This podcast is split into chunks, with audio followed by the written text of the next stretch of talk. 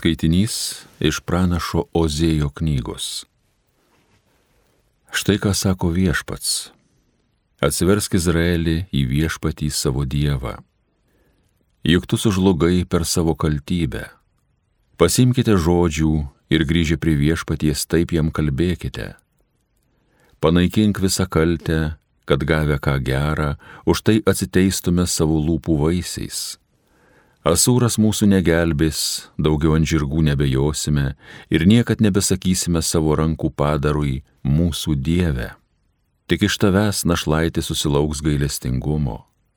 Aš trokštų pagydyti jų atkritimą, mylėti juos savaimingai, juk mano rūstybė Izraeliui atslūgo. Aš būsiu tarytum rasa Izraeliui, kad tas sužydėtų kaip lelyje ir įsikerotų kaip Libano miškas jo atžalos turės paplisti, jo grožis te prilygs alyvmedžio grožiui, jo kvapas Libano kvepėjimui. Jie vėl įsikurs mano paunksniai ir vėl jie augins javus, vešiais tarsi vyno genojas, kurio vynas garsus kaip Libano. Efraimai, ką be padės dievaičiai, juk aš, taigi aš išklausysiu jį ir juo pasirūpinsiu. Aš kaip žaliuojantis kadagys, ant manęs tu atrasi savo vaisių. Išminčius visą tai turi suprasti, protingas turi tai žinoti. Mat viešpaties keliai yra tiesūs, jais žengia teisėjai, o atsimetėliai juose suklumpa. Tai Dievo žodis.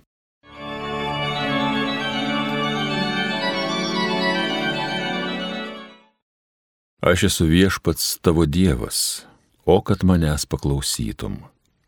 Štai negirdėtas balsas prabilo, aš tau Izraelį nuo pečių nuėmiau naštą, juk tavo rankoms nereikia nešiot sunkių doklų. Sielvartė manęs tu šaukėsi ir aš tave gelbėjau.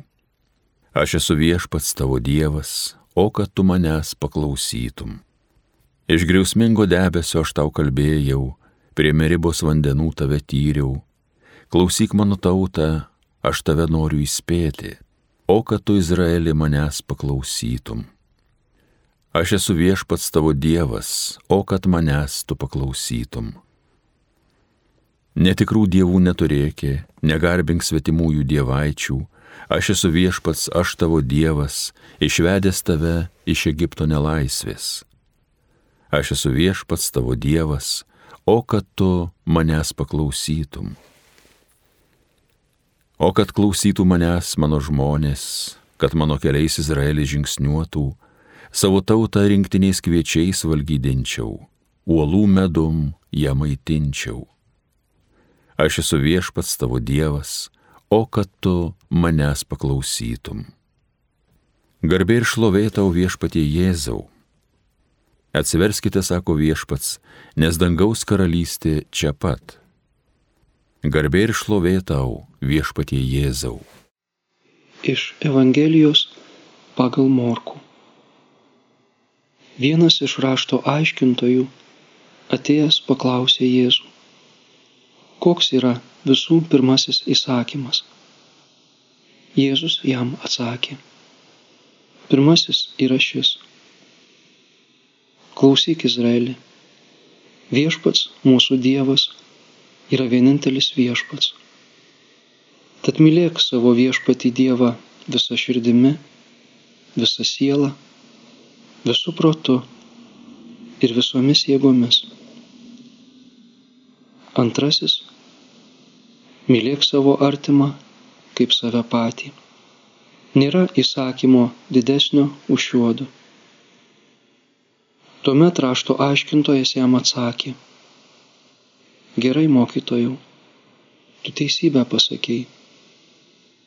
Dievas yra vienintelis ir nėra kito šalia jo, o mylėti jį visą širdimi, visų protu ir visomis jėgomis, bei mylėti artimą kaip save patį, svarbiau už visas deginamasias atnašas ir kitokias aukas. Matydamas, kaip išmintingai jis atsakė, Jėzus jam tarė, tu netoli nuo Dievo karalystės. ir niekas daugiau nebedryso jo klausinėti. Tai viešpaties žodis.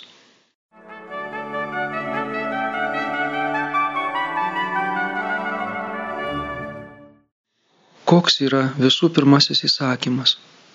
Koks įsakymas yra didžiausias įstatymė?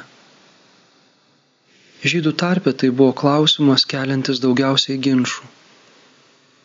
Daugelis rabinų galvojo, kad tai turėtų būti įsakymas susijęs su šabo šventimu ar apipjaustimu, aukomis ir apieigomis, įsakymais, kurie reguliuoja žmogaus moralę.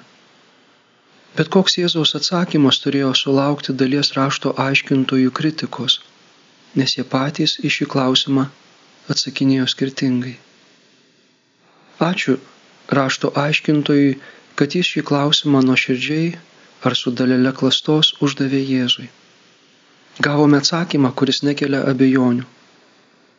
Net klastingi rašto aiškintojai nerado prie ko prikipti. Jų diskusijos klausimu, kuris įsakymas didžiausias įstatymė, sulik Jėzaus atsakymu baigėsi. Meilė Dievui sujungta su meilė žmogui yra didžiausias įsakymas. Ką darytume, jei rašto aiškintojas nebūtų šito paklausęs Jėzaus?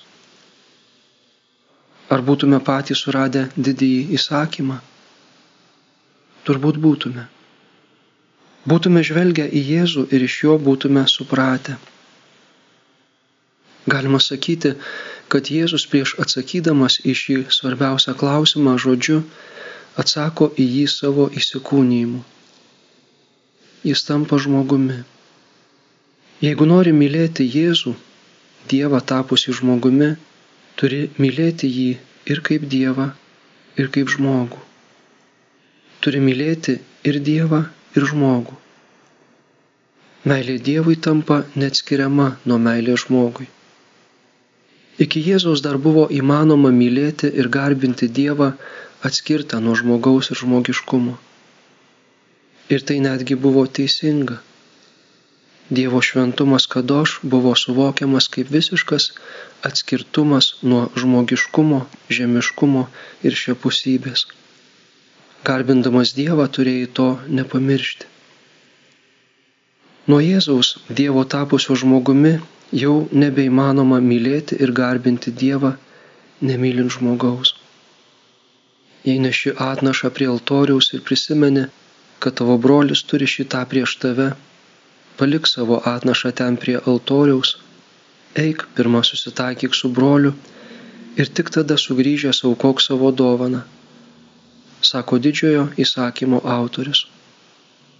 Kiek kartų mums reikėtų nutraukti Euharistiją dėl tokios priežasties? Meilė Dievui ir jo garbinimas atskirtas nuo meilės žmogui apribotas bažnyčios sienomis, būtų labai mielas užsiemimas.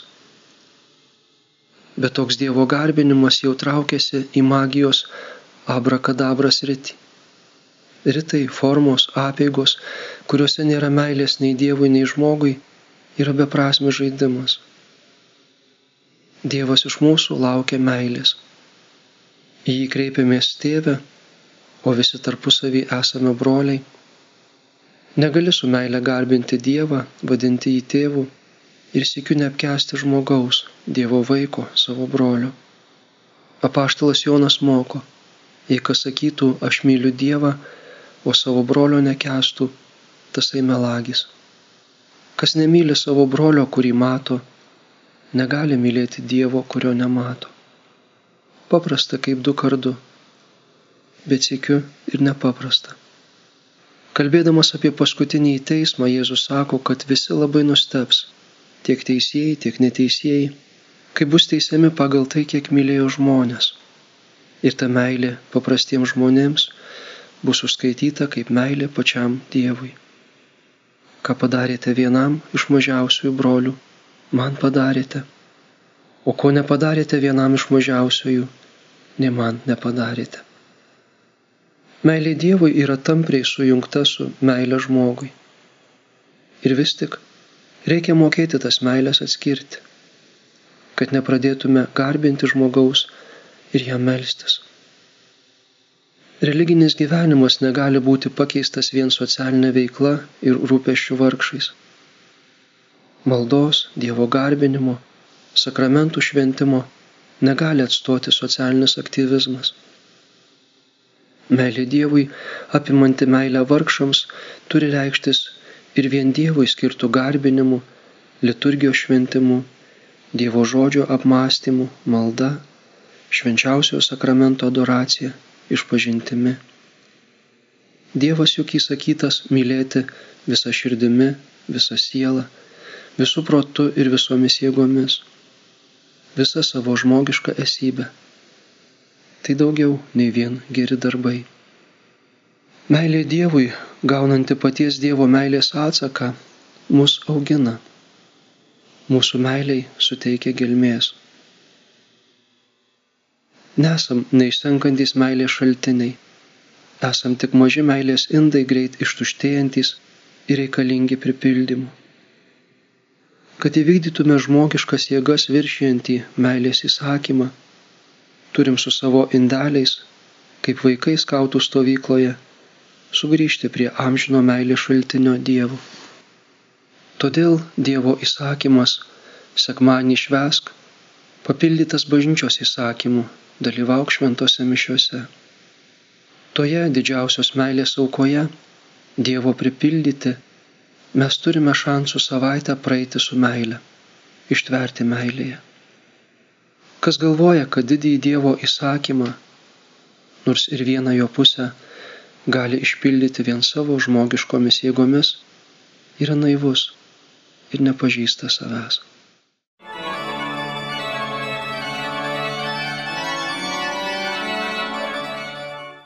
Homilija sakė kunigas Mindaugas Martinaitis.